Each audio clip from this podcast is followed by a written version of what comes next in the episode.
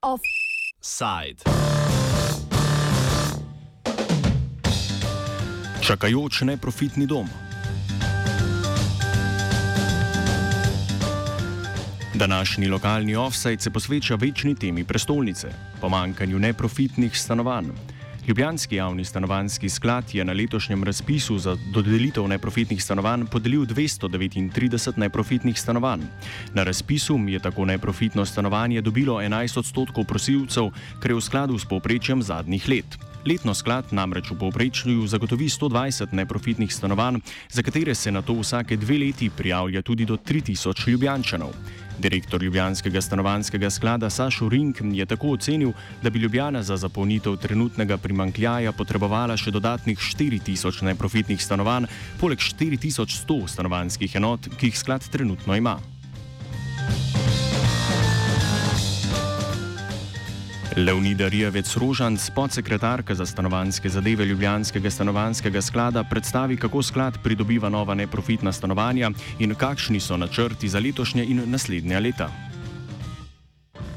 V skladu z veljavnim stanovanskim programom, ki je bil sprejet na 21. seji mestnega sveta MOL v decembru leta 2016, pač poskušamo nove stanovanske enote pridobiti predvsem na različne načine predvsem z novogradnjo in prenovo, spremembo namennosti prostorov, ki so v lasti in upravljanju drugih oddelkov mestne občine Ljubljana in jih slednji ne rabijo. Potem z rentnim odkupom stanovanj, tole je, ta razpis imamo tudi zdaj odprt, so investitorstvom, gradnjo v javnem zasebnem partnerstvu in na številne druge še načine. Za leto 2017 bi lahko rekli, da imamo v postopku realizacije podpisa dve pogodbi za nakup večjega števila stanovanj v Ljubljani. Sicer bomo s prvo pogodbo pridobili 38 novih stanovanjskih enot, z drugo pogodbo pa 4 stanovanjske enote. V istem času pa smo uspeli tudi od etažnih lastnikov recimo odkupiti solastniški delež in s tem postati lastnik celotnega stanovanja, pa eno stanovanje smo odkupili tudi od javnega podjetja Energetika, tako da smo v tem času postali lastniki dveh stanovanj na trgu. Z novogradnjami pa smo v letošnjem letu, teh je bilo kar nekaj, zgradili smo stanovanjski objekt za posebne namene, to je bila hiša Sonček, s katerim smo zagotovili od 12 do 14 upravičencev, ki so oboleli za cerebralno paralizo. Potem iz dveh prenovljenih objektov smo pridobili tako 17 stanovanjskih enot. V letošnjem letu bomo do konca leta pridobili še okvirno 100 stanovanjskih enot. V nadaljnih letih pa pričakujemo izvedbo kar številnih projektov. Recimo, zdaj smo odkupili tudi večje zemljišče na Povšetovi, kjer se bo zgradila novi, nova stanovanjska soseska, predvideva se pa tudi gradnja polja štiri, Rakovi Jelše dva in Brda dva. Poleg novogradenj največji odstotek novih stanovanj predstavljajo stanovanja, ki jih sklad odkupuje z trga. Letos so tako oddali ponudbo za odkup najmanj 30 stanovanj enega ponudnika po ceni največ 1550 evrov na kvadratni meter. Na ta način želi sklad kupiti 150 novih stanovanj. Sklad preučuje dve takšni ponudbi, a zaenkrat nočejo razkriti ponudnikov ali detajlov njune ponudbe, le da sta obe ponudbi nepopolni. Glede na to, da mora Ljubljančan povprečno plačati 2180 evrov na kvadratni meter, je vprašanje, ali bo sklad lahko odkupil željenih 150 stanovanj po ceni 1550 evrov na kvadratni meter.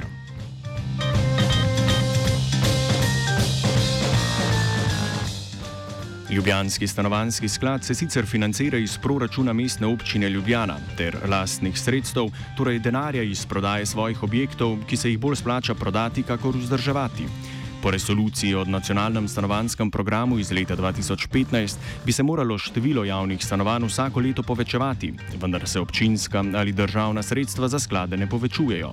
Ta manjkajoča sredstva tako skladi dobivajo s prodajo ali oddajo svojih stanovanj ali parkirnih garaž. Državni republiški stanovanski sklad preko občin za stanovansko politiko tako namenja nič celih nič štiri bruto domačega proizvoda, medtem ko je evropsko povprečje 4 odstotke. Državno in občinsko finančno podporo Ljubljanskemu stanovanskemu skladu komentira Klemen Ploštajner iz stanovanske zadruge za drugator. Mislim, da tukaj moramo govoriti o krivdi čemer se eufemistično reče politični odgovornosti vseh vlad do zdajšnjih v Sloveniji in lahko krivdo razdelimo v bistvu na neka dva nivoja. Prva in največja odgovornost in krivda je na strani države, kjer gre za vprašanje financiranja. Stanovanska politika v Sloveniji je totalno podfinancirana vse od tranzicije naprej, se pravi do samosvojitve. Ni se namenjalo resnih sredstev. Državni stanovanski sklad, ki bi naj deloval kot nek finančni posrednik za gradnjo neprofitnih stanovanj, je bil dokapitaliziran dvakrat dvakrat, enkrat takoj v začetku, se pravi s tem fondom stanovanj družbenih, ko je bil prenešen na njega in tudi deloma sredstvi, in drugič je nekje tam okoli leta 2000. Vmes se pa ni dodeljevalo sredstev za gradnjo in če ti hočeš pač imeti stanovansko politiko, moraš namenjati velik denarja. Primer tega je Dunaj, ker let namenijo okoli, mislim, da 500 milijonov evrov za gradnjo uh, socialnih stanovanj, kot pri njih reče. Drugi nivo krivde, ko je pa velik manjši, ampak še zmeraj precej očiten, je pa na nivoju občine, kjer se občina Ljubljanska, če ravno je občina, ki se najbolj ukvarja s stanovanskim vprašanjem in nameni največ sredstev za stanovansko gradnjo in zato skladu Ljubljanskemu omogoča, da zgradi teh 120 stanovanj, še vedno disproporcionalno premalo denarja nameni stanovanski gradnji in jo raj namenja drugim projektom.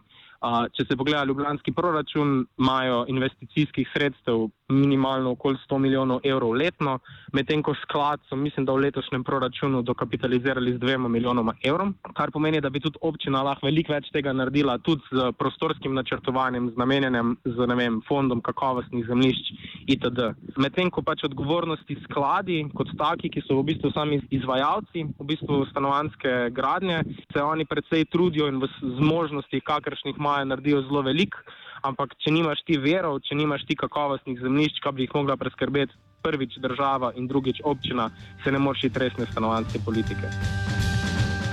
Ljubljanski sklad in drugi skladi pa že leta predlagajo 25-odstotni dvig vrednosti točke za izračun neprofitne najemnine, saj da trenutne neprofitne najemnine ne pokrijajo tekočih stroškov vzdrževanja. Predlog in zakaj so ga predlagali, predstavi Leonida Rijavec Rožanc. Torej, če pogledamo, je formula izračuna neprofitne najemnine kot višina točke ena izmed postavk v predmetni formuli, se zakonsko določena v samem stanovanskem zakonu. Odločitev o spremenjeni višini neprofitne najemnine je tako v rokah same države in v bistvu ne naši. Res je pa, da smo v zadnjih letih na pristojno ministrstvo podali številne pripombe in vrste argumentiranih slednjih in predloge za spremembo zakonske pač spremembe določile iz petega odstavka 116. člena stanovanskega zakona. Namreč uh, fiksno določena višina točke je 2,63 evra, se v bistvu kljub rasti življenjskih stroškov ter ne nazadnje tudi prihodkov državljanov ni spremenila že od samega leta 2003 oziroma leta 2007, ko je prišla uh, izvednost iz SIT, torej tolarjev v evre.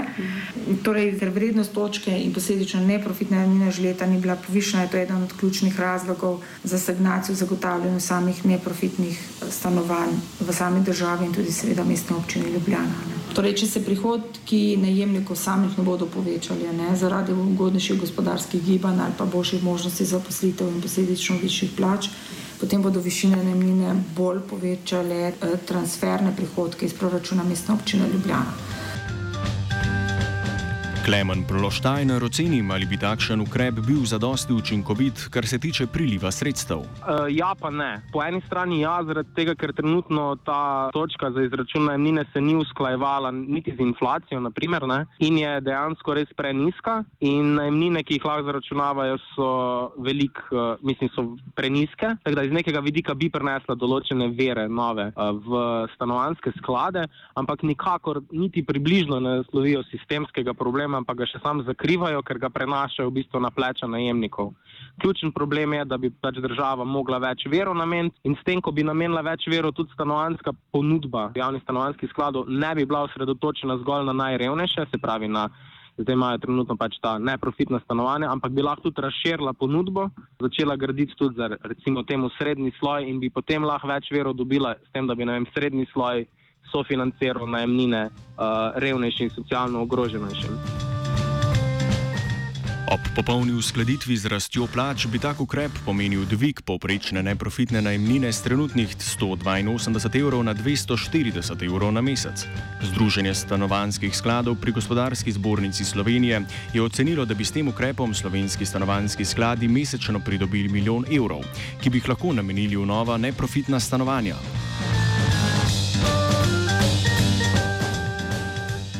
Večkrat predlagani ukrep pa ni pristal v najnovejši noveli stanovanskega sklada, predvidoma, ker bi bil ukrep nepriljubljen pri voljivcih. Sta pa v noveli stanovanskega sklada, ki jo je državni zbor sprejel letošnjega marca, dva ukrepa, ki bosta olajšala pridobivanje novih neprofitnih stanovanj. Kot prvo, novela dovoljuje večje zadolževanje sklada pri, pri Republiškem stanovanskem skladu. Po sprejeti noveli se lahko Ljubljanski sklad tako dodatno zadolži za 10 odstotkov svojega namenskega premoženja. Novela tudi izenačuje pravico do subvencije za najemnike tržnih in neprofitnih stanovanj. Izenačitev pojasni Rijevec Rožanc. Ja, upravičenci do tržne subvencije najemnine morajo sodelovati na javnem razpisu, biti uvrščeni na prednostno listo in izpolnjevati dohodkovni cenzus in druge pogoje glede na premožensko stanje. Subvencijo k plačilu tržne najemnine torej izplačuje občina stalnega prebivališča vsakega prosilca. Po uh, stanovanskem zakonu, torej spremembi stanovanskega zakona, ki je bila sprijeta v juniju letošnjega leta, se tako pri določitvi višine tržne subvencije najemnine subvencionira tako neprofitni del kot tržni del najemnine. Upravičenci do subvencije v neprofitnih in tržnih stanovanjih so potem na tak način izenačeni. Do zdaj pa so bili samo tržna najemnina, je bila subvencionirana, medtem ko neprofitna je bila občas, neki enkrat ja, enkrat ne, ampak zdaj pa so izenačeni. Novela upošteva tudi marčovsko odločitev ustavnega sodišča, ki je odločilo, da preverjanje premoženskega stanja najemnikov, ki so pogodbo sklenili pred letom 2003, ni protiustavno. Do sedaj so skladi morali na pet let pregledovati spremembe premoženskega stanja le najemnikom, ki so pogodbo sklenili po letu 2003.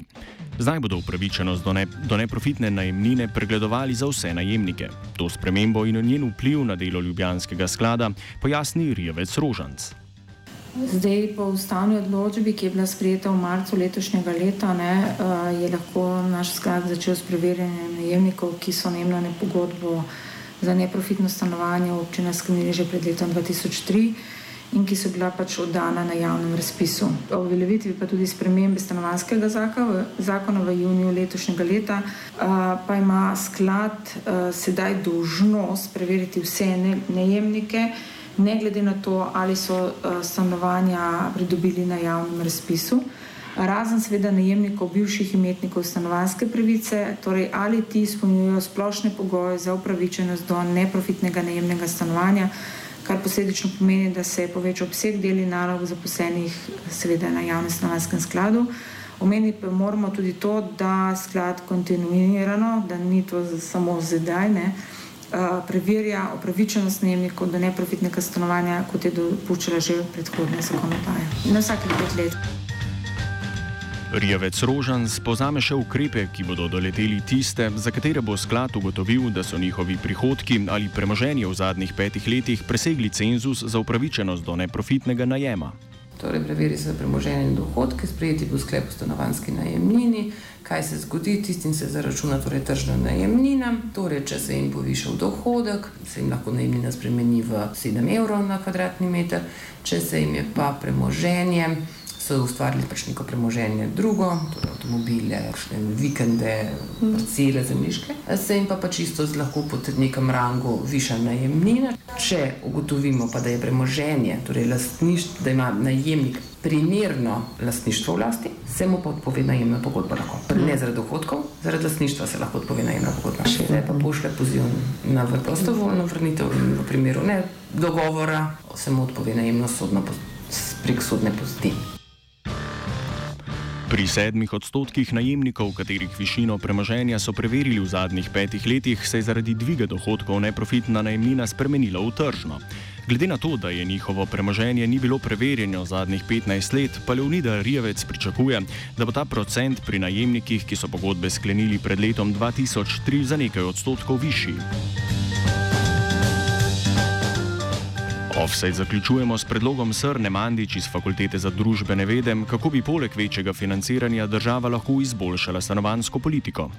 Ker, veste, osnovno, osnovna razlika, osnovna težava pri nas je, da ni drugih ponudnikov neprofitnih stanovanj, ampak je samo recimo v Ljubljani ta sklad, občinski skladi so, ne?